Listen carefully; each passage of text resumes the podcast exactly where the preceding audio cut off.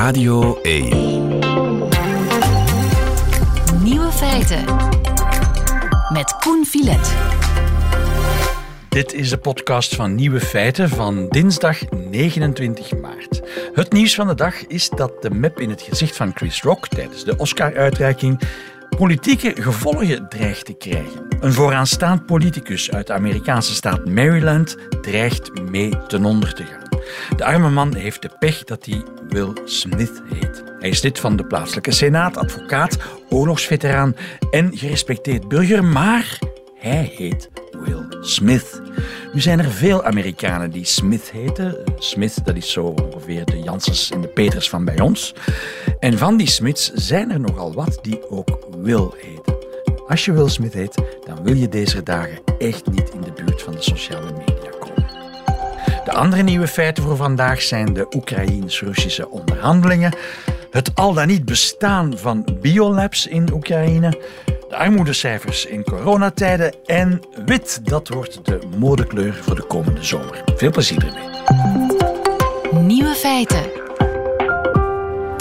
Dag Jens Fransen. Hey, dag Koen. Jens, um, ja, vredesbesprekingen, onderhandelingen tussen de Oekraïners en de Russen in Turkije. Ik durf bijna niet hopen dat daar vrede uit gaat komen.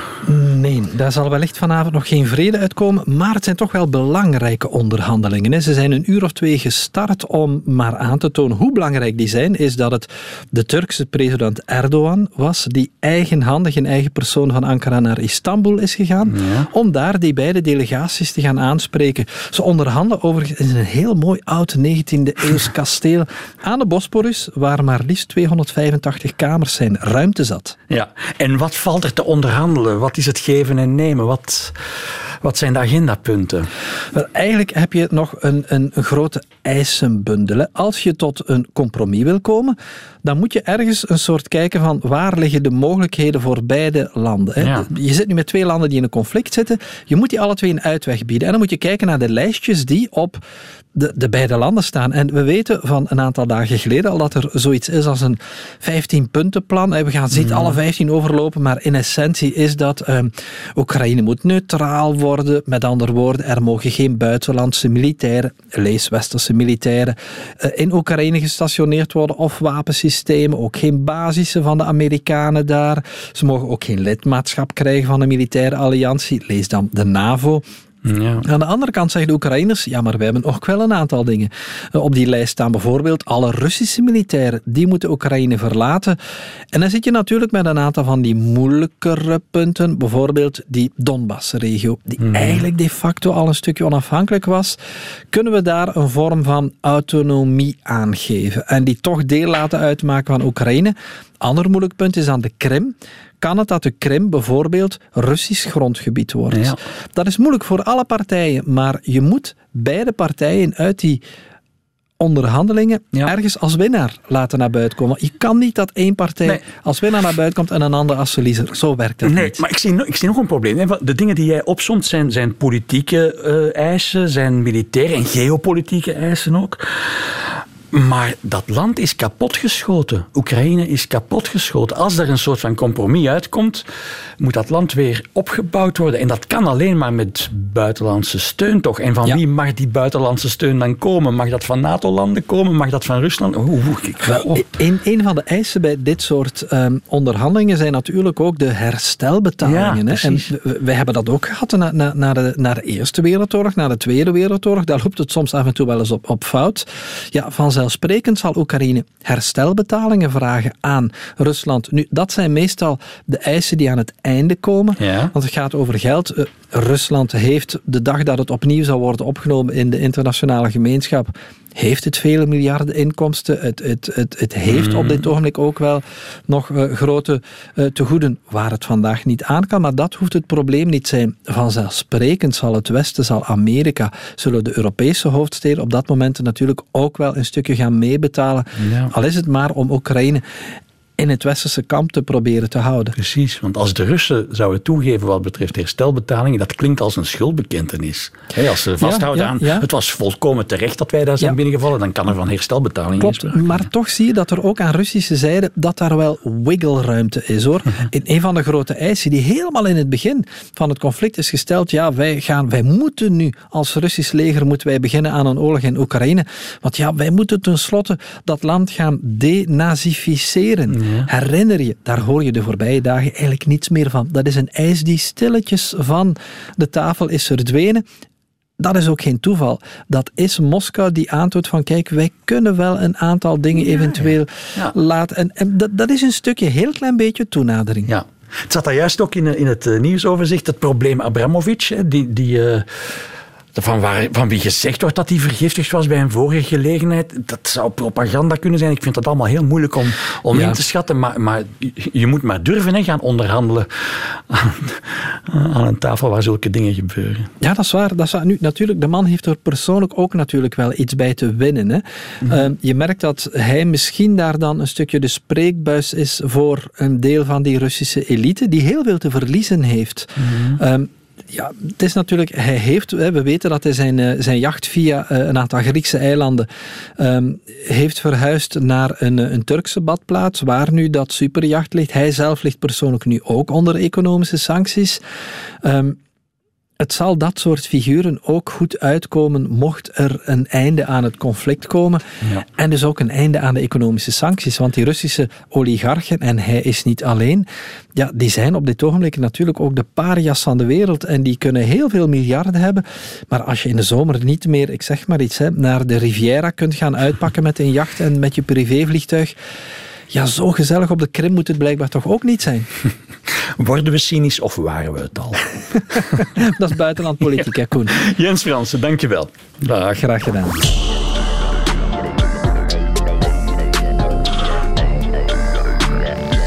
De nieuwe feitenchecker. Goedemiddag, Rien Emery. Goedemiddag. Rien, eh, in tijden van oorlog is het beroep van feitenchecker bijzonder moeilijk, denk ik. Want in oorlog is de waarheid het eerste slachtoffer, zegt het cliché. Ja. Ehm, Poetin en de Russen geven een aantal redenen aan waarom het gerechtvaardigd was om Oekraïne eh, binnen te vallen. Hè. Ehm, een daarvan is dat Oekraïne cultureel bij Groot-Rusland eh, hoort. Een andere reden is dat Oekraïne bevrijd zou moeten worden van neonazis. Ja. En dan is er nog een verhaal waarvoor ik wankel. Ik ben bang van in Russische propaganda eh, te, te trappen. Maar toch, ehm, wat is er aan van het Russische verhaal dat er in Oekraïne ehm, laboratoria zouden bestaan waar biologische wapens worden gemaakt? Dat wordt gezegd, dat is Ja. ook een van de redenen. Dat zou toch wel eens waar kunnen zijn, denk ik. Ja, het, het klopt. Het is een van veel eh, verhalen die vanuit eh, de Russische kant over de oorlog worden verspreid als rechtvaardiging voor hun inval. Eigenlijk is dat blijven doorlopen, niet alleen voordien, maar ook tijdens de inval zelf. kwam er telkens opnieuw een nieuwe reden waarom ze echt hadden moeten Oekraïne binnenvallen. Er was geen andere optie, et cetera. Eh, een van die verhalen gaat over biolaboratoria, waarvan Rusland beweert dat er biowapens werden gemaakt. En niet alleen door de Oekraïners, maar ook met hulp van de Amerikanen of de NAVO of eh, nog heel wat andere mensen. Ja. Ehm, en er zijn biolaboratoria in Oekraïne. Aha. Dat klopt. Ja. Oekraïne is een ontwikkeld land met veel universiteiten en er wordt daar ook aan biomedisch, biochemisch onderzoek gedaan. Eh, een deel van die laboratoria bestond al veel langer, uit de Sovjet-tijd. En daar waren ook biowapens aanwezig, toen nog, in die tijd.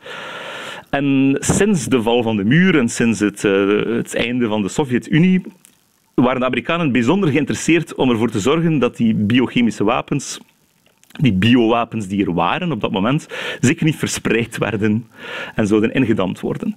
Dus het Pentagon heeft al decennia lang een programma om in niet alleen Oekraïne, maar heel wat andere Sovjetlanden eh, aan de grens met eh, Rusland, die oude biolaboratoria zeker te beveiligen en te zorgen dat daar niets uit lekt, Ja. dat daar niets uit verdwijnt. Die biolaboratoria die dateren uit de Koude Oorlog, daar gaat het dan over. Een deeltje, een deeltje, een deeltje zijn gewoon moderne biomedische laboratoria waar men aan onderzoek doet. Ja, ook, ja, Ehm. Toevallig ligt Oekraïne op belangrijke routes voor bijvoorbeeld de vogeltrek. En men weet dat via vogels, ja, vogelgriep en zo, en andere zaken dingen verspreiden, virussen verspreiden. Dat is altijd al zo geweest. Dus er zijn er heel wat programma's die al decennia lang lopen, ook met steun van de Europese Unie, om te onderzoeken wat voor pathogene stoffen er verspreid worden gewoon in de natuur. Um, maar al die documenten die ja, openbaar waren, worden door de Russen nu gebruikt en voorgesteld als iets heel uh, schimmigs en geheims. En dat men aan het werken was aan, uh, aan biowapens die men wou verspreiden dan via vogels of, of met, met uh, besmette vleermuizen die men zou loslaten. Um, en dat is, dat is inderdaad het verhaal dat, dat nu ook opgehaald wordt door de Russen. En de reden waarom precies dat verhaal een beetje ja, in tegenstelling tot andere zaken over ja, er is een genocide bezig op de Russen, et cetera, die niet echt blijven plakken in het Westen. Maar dat verhaal van die biolabs wel. Waarom? Omdat het niet alleen in het Westen, maar ook in het Oosten um, in goede aarde valt. Er zijn een paar groepen die dat ook kunnen gebruiken, datzelfde verhaal. En daar speelt die Russische propaganda op in. Aan de ene zijde is het, uh, valt het goed bij China, omdat er zijn nog altijd heel veel vragen over het ontstaan van SARS-CoV-2. Men heeft de lab leak-hypothese, waarbij het zo ontsnapt zijn uit dat virologisch instituut in Wuhan. En mm -hmm. China wil er alles, alles aan doen om ervoor te zorgen dat de aandacht daarvan afgeleid wordt. Al heel lang, twee jaar geleden, heeft men meteen begonnen met een, met een, andere, met een andere theorie dat eigenlijk het virus uit een Amerikaans laboratorium komt. En het was dan door Amerikaanse militairen naar de, de, de military games gebracht, die toevallig ook in Wuhan waren.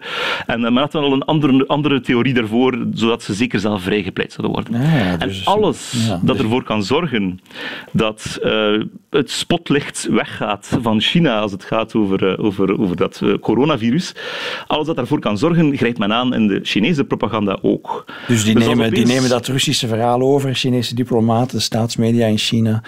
Ja, dus als opeens natuurlijk de, de, de Russen afkomen met een verhaal van ja, er zijn ook eigenlijk van die stiekeme laboratoria in Oekraïne. En er zijn dus ook nu gewoon mensen die ook geloven dat het, dat het, het eh, ons coronavirus dat ons geplaagd heeft de voorbije jaren, dat dat eigenlijk uit Oekraïne komt. En dus het is een relatief succesvol verhaal geweest bij sommige kringen. En dat is niet alleen dus in China valt dat verhaal goed, maar ook in het Westen bij de mensen die geloven in complottheorieën als het gaat over de oorsprong van, eh, van, eh, van, van het virus. Die zijn ook heel vatbaar daarvoor, over eh, geheime biolabs, eh, samenzweringen daar rond. Eh, dus dat valt daar ook goed en dat wordt daar ook gemakkelijker verspreid, zo'n verhaal.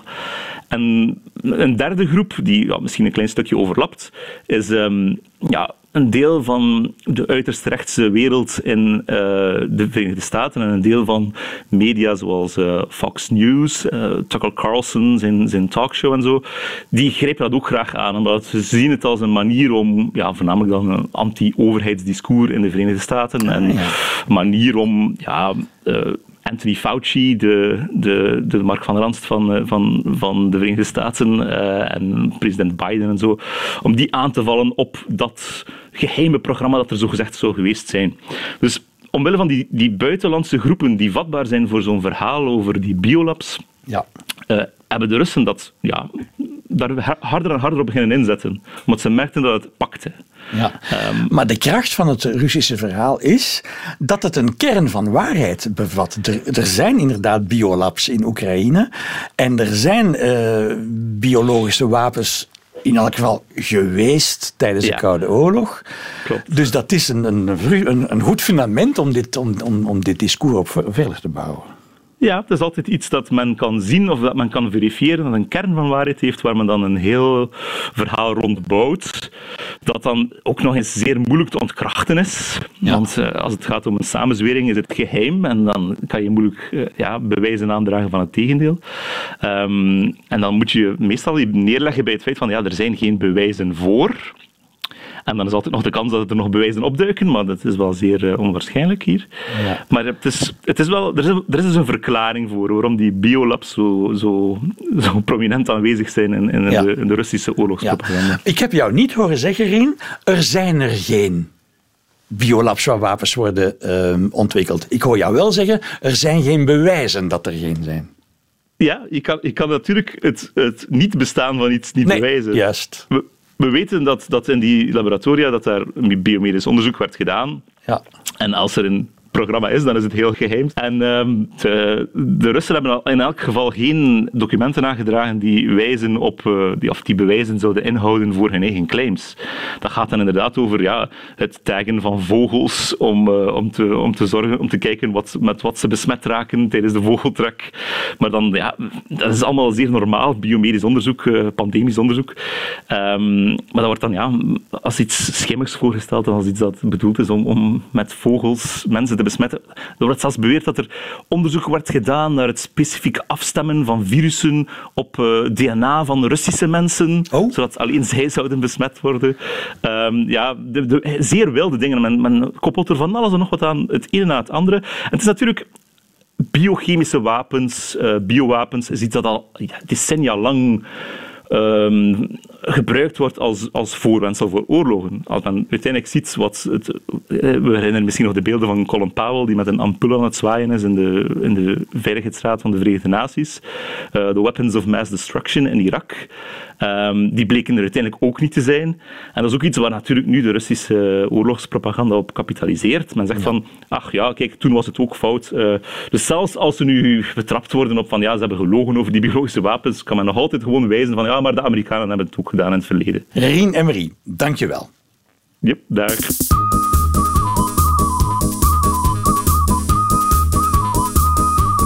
Nieuwe feiten. Het Belgisch Bureau voor Statistiek heeft gisteren armoedecijfers bekendgemaakt voor het jaar 2020. Het coronajaar 2020. Nu dacht de um, amateur-statisticus in mei die cijfers te kunnen voorspellen. En die dacht, ja, een coronajaar, de economie ligt op zijn gat, de horeca is gesloten, de winkels zijn, draaien maar op halve kracht, er zijn mensen die hun werk hebben verloren. Dus de armoedecijfers zullen wel gestegen zijn, het zal wel een rampjaar geweest zijn. Niets is minder waar. Professor Yves Marx? Hallo, hoe, hoe zijn de armoedecijfers geëvolueerd in het coronajaar 2020? Ja, die zijn verbazing, verbazingwekkend genoeg uh, gedaald. Dus er is... En dat, gebeurt, dat gebeurt helemaal niet vaak, maar dit, deze keer is het nu wel eens gebeurd. Uh, ja. Blijkbaar zelfs een, een vol uh, procentpunt. Dat is eigenlijk vrij ongezien. Dus de armoedecijfers zijn gedaald. Er is dus, minder, er is dus een procent minder armoede ja, in België. Inderdaad. Ja, heel vreemd. Ja, ik vind het, ja het, het, het klopt niet met het beeld dat je hebt van het, van het jaar 2020, het, het coronajaar 2020, nee. waar alles vierkant draaide. Hoe kan dat? Wel het, wel, het heeft een beetje te maken met de kronkels van de armoedemeting, uh, vrees ik. Um, armoede wordt bij ons altijd relatief gemeten, hè, eigenlijk tot, uh, in verhouding tot de gemiddelde, of exacter gezegd de mediaan levensstandaard. Um, en daar wordt dan 60% van genomen. En de mensen die daaronder vallen, die noemen we uh, arm. Hè. Dat zijn mensen die grofweg voor een alleenstaande gaat het dan over mensen die minder dan zeg 1250 euro of daaromtrent per maand uh, beschikbaar inkomen hebben. Ja. Uh, die, noemen we, die noemen we arm. Nu, wat is er gebeurd in 2020? Dat is eigenlijk een uitzonderlijk jaar, omdat dat een jaar is waarin de werkende wat achteruit zijn gegaan. In normale omstandigheden zijn het altijd de werkenden die altijd een beetje sneller vooruit gaan mm -hmm. als de mensen die op een uitkering uh, leven. Maar nu is het omgekeerde gebeurd, namelijk die corona had dat natuurlijk een enorme impact. Heel veel mensen die, die, uh, die niet meer konden gaan, gaan werken, die, die, die thuis bleven zitten.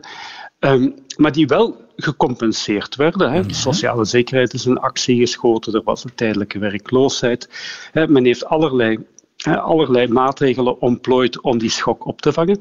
En dat is ook behoorlijk goed gelukt. Maar toch zijn die mensen een beetje teruggevallen. Ja. Nu, de mensen die van een uitkering leven, ja, die zijn niet alleen stabiel gebleven, die zijn ook nog eens uh, geïndexeerd geworden. Dus het is een uitzonderlijk jaar in de zin dat de werkenden zijn een beetje teruggevallen. Okay. En dat inkomen is, is heel, heel uh, een beetje stabiel gebleven. En de mensen die op een uitkering leven, die, die, die zijn wat, wat relatief gesproken wat, wat naar boven gegaan.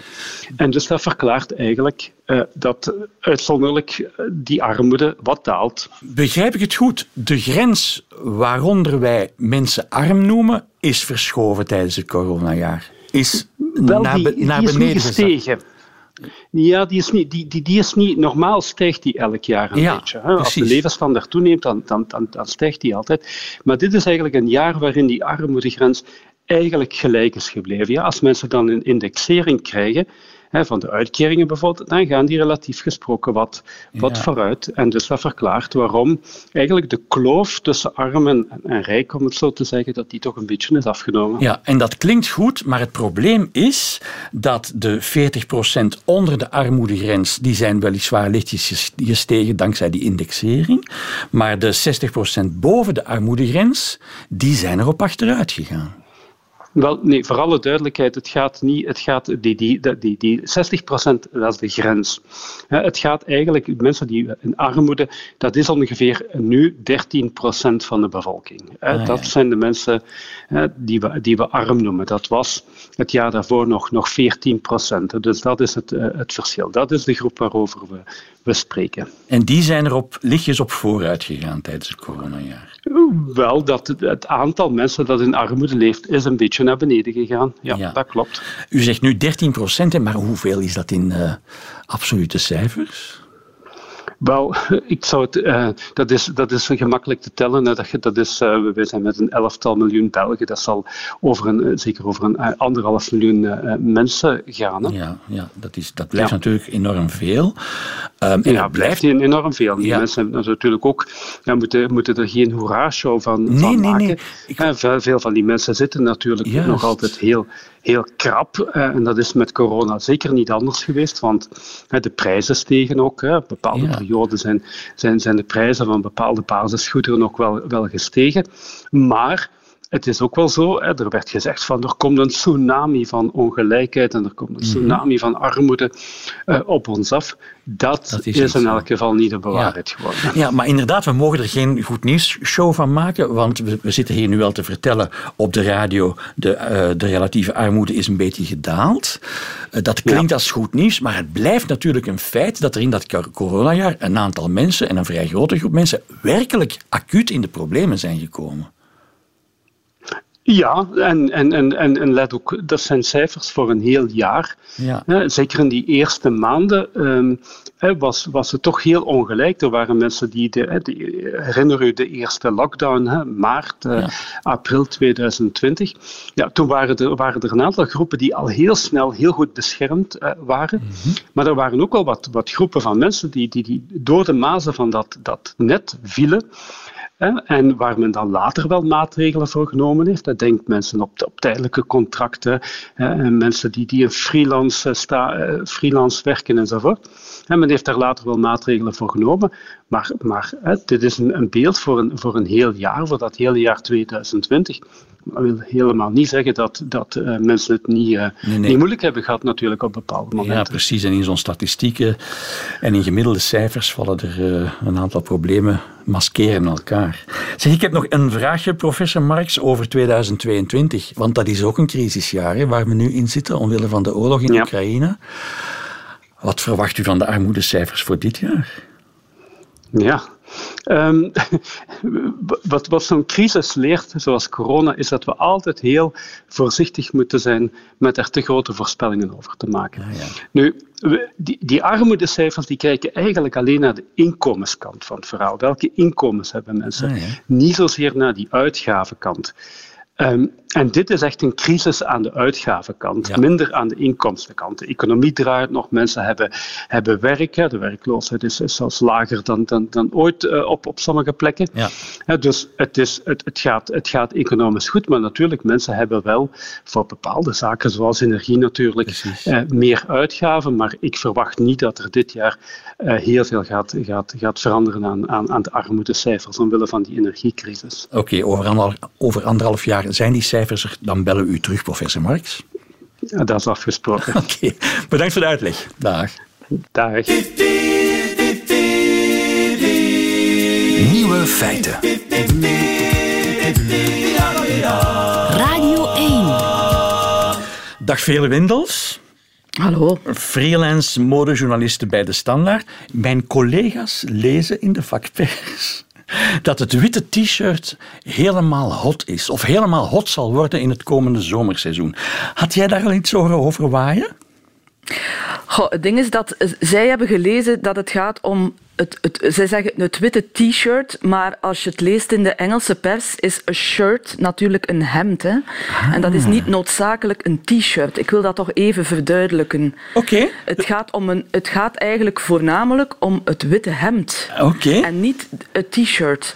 Oké, er zijn, er zijn t-shirts, maar er zijn voornamelijk hemden. witte Ah, ja. hemden. Dus het- met, het witte- met mouwen dus, met het- lange mouwen. Het witte no-nonsense hemd is het mode-item van de komende zomer. Wel, eh, eh, ik zou dat ook nuanceren, want we hebben gewoon op de, op de, de catwalk van de Oscars, zeg maar, die rode loper, die fameuze loper waar vroeger zoveel baljurken en exuberante Juist, ja. eh, broderieën en zo te zien waren. Eh, daar zien we nu ehm, ja, alsof, alsof men een toontje lager zingt. Ik weet het niet hoe je het kan. eh, je kan het op verschillende manieren verklaren. Aan de ene kant kan je zeggen, het ziet er allemaal eenvoudiger uit. Dus er worden bijvoorbeeld witte hemden gedragen op, op smokingjasjes en, en smokingbroeken, zelfs door vrouwen. Hè. Dus dat is een opmerkelijk gegeven. Maar anderzijds zou, zou je ook kunnen zeggen, oké, het, is, het is misschien een, een, een manier om ook het MeToo-verhaal extra in de verf te zetten. Eh, je, je ziet er wel sterker uit als vrouw als je een smoking draagt. Ah ja, in plaats zo- van een, een baljurk waarin je nauwelijks op het gemak naar het toilet kan nadien. Ja, maar dus een zekere soberheid Ja. is toch wel een tendens die je ziet aankomen. Maar wat je, wat, je, wat je ook vooral ziet, dat is dat we hebben een tijd achter de rug met heel veel bloemetjes en heel veel eh, dierenprints en ontzettend veel bedrukkingen. En wat je vooral ziet aankomen al een, een twee, drie seizoenen, dat is een, een zekere hang naar eenvoud. Ja. Weg van de bedrukkingen, meer uniekleuren, eh wit in combinatie met zwart en dan ook felle kleuren die, die, die echt clashen met elkaar. Maar waar dus de bloemetjes en, en, en dergelijke helemaal verdwenen zijn. Dat is een, een groot verschil met, met pakweg twee jaar geleden. Ja. Je, kan het, je kan het wit ook gaan verklaren. Enfin, je kan daar van alles van maken natuurlijk. Hè. En de, de ene journaliste zal het zo interpreteren en de andere anders. Maar je kan ook denken eh, als, als, in die zin dat wit de kleur van de hoop is. Oh, en dat ja, wit ja, eh, een soort eh, frisse, frisse lei introduceert. we, we, gaan misschien naar een nieuw tijdperk post-corona. hoewel we nu weer met die oorlog in Oekraïne te maken hebben. Dus ik, ik had al wel in de, de, de collecties voor, voor de komende winter, want die zijn eigenlijk net ge- getoond in februari en maart in New York, Milaan, Parijs en dergelijke, had ik al wel heel veel wit gespot. En dat wordt uiteraard meteen opgepikt door stylisten die de actrices kleden en, kleden en de acteurs kleden op die rode loper in de, tijdens de Oscars. Dus zij pikken meteen die, die heel recente eh, trends op. Hè. Ja. Zo gaat dat nu eenmaal. Ja, ik, ik zit me dat vaak af te vragen hoe dat precies functioneert, Ja. zo modekleuren en trends, of daarover afspraken worden gemaakt. Want voordat dat kan verschijnen, moeten er stoffen eh, gefabriceerd worden. En moeten, Uiteraard. moeten er zakelijke beslissingen genomen worden ook. Wordt daar, wordt, bestaat een soort van Davos van de, van de Ja. mode? Ja, eigenlijk, eigenlijk wel. Ah, ik dacht dat je ging lachen, maar het bestaat. Eh, eh, eh, je, je moet er natuurlijk wel willen aan meedoen. Hè? Niet iedereen komt naar Davos en, Nee. en dat is in de mode ook zo. Eh, er zijn eh, trendwatchers die eh, zeg maar twee, drie jaar op voorhand bij elkaar eh, gaan zitten of apart ook dingen bespreken en dat dan verkopen aan de fabrikanten. En die zeggen, oké, met, met welke dingen zijn we bezig momenteel? Ja. Waar, waar is de mode mee bezig? De mode zit al lang niet meer, modeontwerpers zitten al lang niet meer zoals artiesten eh, op een, op een eh, zolderkamertje te tekenen. Hè. Dus die, die, Nee. die, uiteraard hebben die wat met wat gebeurt in de wereld en kijken ze naar de maatschappij. Maar die trendwatchers die, die, die denken aan kleuren en dat spreken ze ook wel af. Hè. Zoals je een Pantone kleur van het jaar hebt Juist. of een Levi's kleur van het jaar. Ja, ja dat, heb je ook, dat wordt ook in de mode gedaan. En, en dan die kleuren, ja, die, die worden opgepikt door eh, stoffenfabrikanten, die dan naar de stoffenbeurs gaan, bijvoorbeeld Première Vision in Parijs, waar je dan ook die trends te zien krijgt. En als je als ontwerper daar aankomt, kan je zeggen, ik pik die trends op, ik doe daaraan mee, of ik doe daar helemaal niet aan mee. Iemand als Dries van Noten bijvoorbeeld, maar ook een Versace, ook een Armani, die maken hun eigen tendensen en die zullen mhm. zeggen, oké, ik maak mijn eigen kleuren, mijn eigen stoffen, die werken samen met stoffenfabrikanten en die, die, die gaan zelf op zoek naar, naar eigen tinten. Eh, dus je kan meedoen of niet meedoen, maar er is wel een zekere consensus. Hè. Als je plots overal fuchsia ziet, hè, je, je hebt vandaag, als je kijkt in de, in de, uh, als je kijkt op, op, in, in, de, in de vele etalages, dan zie je heel veel kleurtjes, heel veel snoepkleurtjes. Ja, zo'n dingen zitten er wel aan te komen dan. hè. Ehm, net als die, die dierenprints bijvoorbeeld, die je nu niet meer vindt of nauwelijks vindt. Er is een tijd geweest dat die gepromoot werden door die trendwatchers. En dat is wel interessant, uh, vooral als, als je ziet dat het dan niet gedaan wordt door sommigen. Dat vind ik altijd heel leuk. Maar dus nu wit en soberte, ik vind het eigenlijk goed nieuws hoor, want ik heb heel wat witte hemden in mijn kast hangen. Of, of, is het meer dan alleen die kleur? Moet ik toch ook nog een beetje opletten met... Nee, het, het, het, het, het, het, leuke is, je moet, je moet eens... Je moet eens uh, ja, bij, bij vrouwen is het zo, bijvoorbeeld Uma Thurman op de catwalk, die had een, een wit hemd aan dat ze helemaal dichtknoopte tot boven. Dus dat is ook een statement. Hè? Een beetje weg van, van dat het allemaal glamoureus en, en sexy, in your face sexy, want er, is veel, er zijn vele manieren van sexy. Hè? Mhm. Je kan ook heel sober zijn en heel sexy. Je hoeft daarom de knoopjes van je, van je hemd niet open te zetten hè, om sexy te zijn. Integendeel. Mm Maar um, bij, bij, bij mannen zie je, zie je bijvoorbeeld bij een, een Chalamet, die, die Franse acteur, uh, dat die, dat die uh, ja, gewoon geen hemd uh, heeft aangetrokken. En dat, dat die, dus dat, dat, dat is ook een optie. Ja, maar niet voor mij. Dat is dan uw keuze, ja. Veerle Windels, witte hemden. Dankjewel. Graag gedaan. Radio 1. Nieuwe feiten. Tot zover de nieuwe feiten van vandaag. Rest ons nog het middagjournaal met Nico Dijkshoorn. Nieuwe feiten. Middagjournaal. Beste luisteraars. Gisteren liep ik met Tanja door de stad. Wij passeerden een bloemenwinkel. Ik stopte. Er stond een pot voor de deur. Een grote pot. Niet te groot, precies goed. Stel, ik kon zelf potten bakken, dan zou ik ze ook precies zo groot maken. De kleur van de pot leek geschilderd met mijn ziel.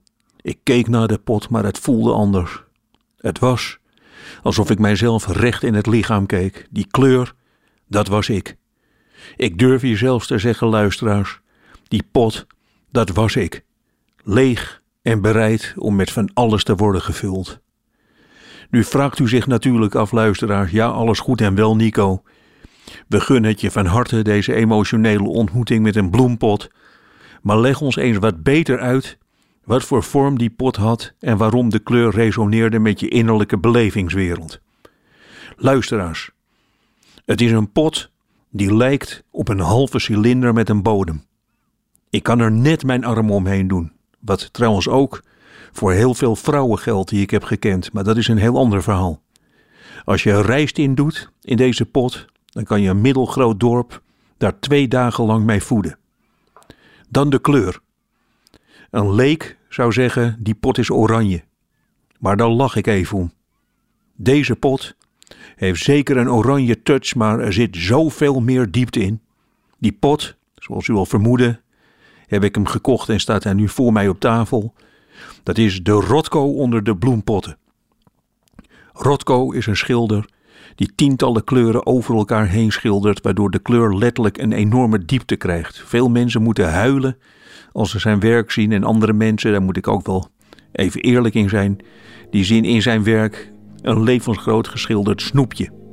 Maar goed, ik heb hem, die pot. Hij is van mij en hij is niet van u.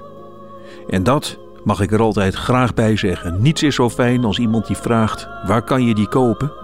En dat je dan kunt antwoorden: niet meer te koop. Ik heb de enige op aarde. Wat ik nu de rest van de middag ga doen, is heel voorzichtig oefenen of ik die pot op mijn hoofd kan vervoeren. Want dat is het ultieme. Over straat lopen en bijna achteloos een pot van 9 kilo op mijn hoofd dragen. Luisteraars, ik heb besloten om daar vier jaar lang op te gaan oefenen.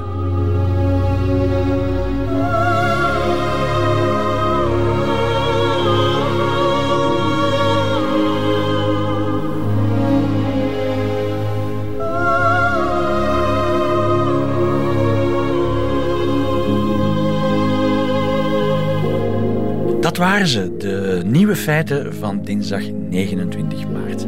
Als u het programma wil horen met de muziek erbij, dan kan u terecht op de Radio 1-app.